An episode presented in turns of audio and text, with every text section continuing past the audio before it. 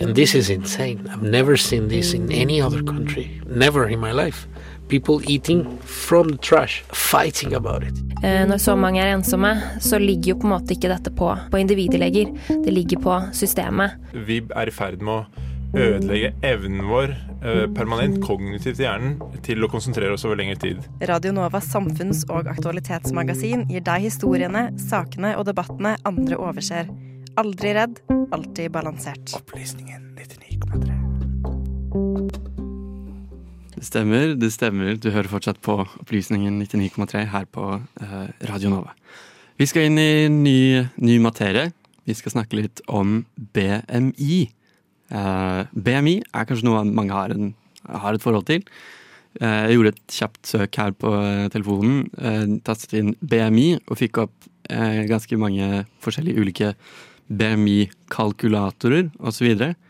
Men utover det er det kanskje ikke så mange som vet opphavet, kjenner til det særlig godt. Jeg, er ikke helt fortrolig med hvor dette kom fra, og hva, hva, hva det egentlig skal brukes til. Eh, Marte, hva tenker du når du hører BMI? Er det liksom BMI-kalkulator og VG du Liksom forsiden på VG som faller i tankene, eller hva, ja, hva tenker du? Altså, jeg vet at det er en gammel teori eller utregning, eh, jeg tror han er over 100 år gammel, som ikke var ment å bruke, skulle brukt på individnivå, men for en hel befolkning.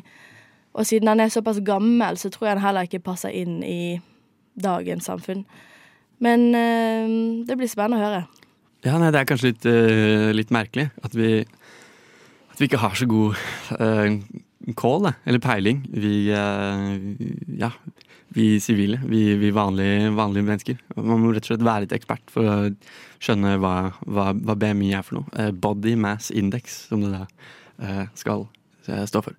Du får høre nå eh, Runa Årskog, som har tatt en nærmere titt på BMI-skalaens eh, historie. Følg med.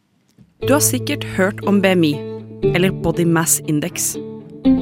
Skalaen som sier noe om du er overvektig eller ikke. For noen er det nok en forsikring om at man er sunn og normalvektig. Mens for andre er den et mareritt.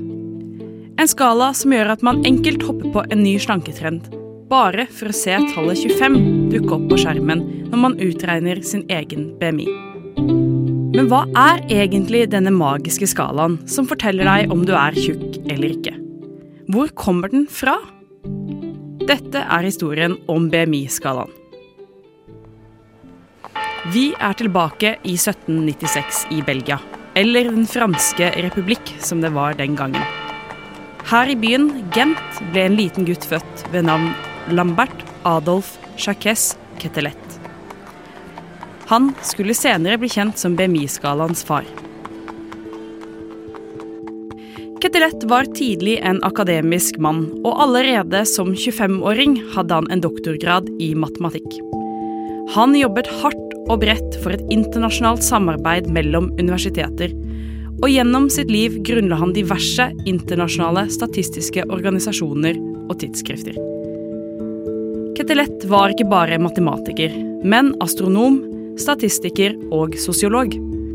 Hans entusiasme for statistikk og matematikk førte han etter hvert videre til ideen om målene på det perfekte mennesket. Og under sitt arbeid med å finne utregningen på det perfekte mennesket, kom han opp med en skala. En skala som senere skulle påvirke vår forståelse av hva god helse kan være. Vi spoler oss nesten 200 år fram i tid, til 1972. Det er i dette året BMI-skalaen slik vi kjenner den i dag, ble til. Av en forsker ved navn Angel Keys og hans team. Keys samlet inn data om 7200 friske menn fra fem europeiske byer, og regnet ut deres BMI. Gjennomsnittet av denne undersøkelsen ble det vi i dag anslår for å være normalvekten i befolkningen. Men hvem var det som bestemte at Keys skala skulle brukes over hele verden? Svaret ligger nok i en rapport fra Verdens helseorganisasjon, som i 1993 brukte KIS sin BMI-skala for å si noe om befolkningshelsa i ulike land. I denne rapporten ble skalaen delt opp i fire kategorier. Undervektig, normalvektig, overvektig og sykelig overvektig. Og resultatet ble det helsevesenet i dag bruker som en indikator på om du ligger for langt unna normalvekten, og dermed må spise mer eller slanke deg. Vi er nå tilbake i vår egen tid. En tid der BMI-skalaen er lett tilgjengelig for alle, og hvor flere aktører bruker den. Fra treningsstudioer og influensere som vil selge deg den beste dietten og treningsprogrammet, til helsevesenet som skal hjelpe deg med å oppnå en sunn og frisk kropp. Men sier den egentlig noe om din helse? Fungerer egentlig BMI-skalaen? Ser vi tilbake på vår reise gjennom BMI-skalaens historie, kan vi trekke frem et par viktige punkter. For det første. BMI-skalaen er en undersøkelse gjort på rundt 7000 friske menn fra 70-tallet. Det er deres gjennomsnitt som har lagt grunnlaget for hva som anerkjennes som normalvektig. Kvinner ble ikke inkludert i studien, ei heller en variasjon av ulike etnisiteter. Variasjonen av mennesker inkludert i studien er derfor for dårlig. For det andre. Det er en dårlig skala å bruke på et individnivå. Mange forskere, inkludert Keys og hans team, mener at skalaen kan si noe om den generelle befolkningen, men at den ikke sier noe om deg som individ. For det tredje.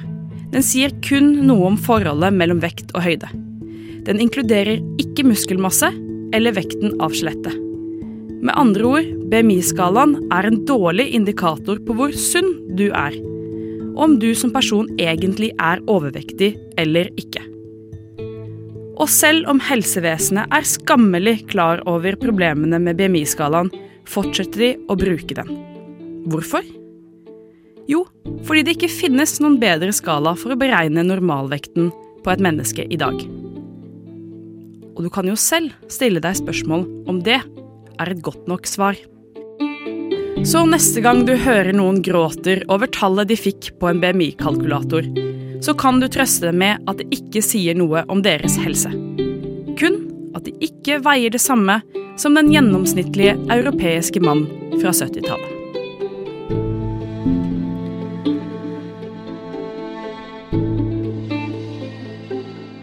Ja, og stor takk til eh, Rune Aurskog, som eh, ga oss en liten innføring der i hva BMI-skalaen eh, egentlig er ment for.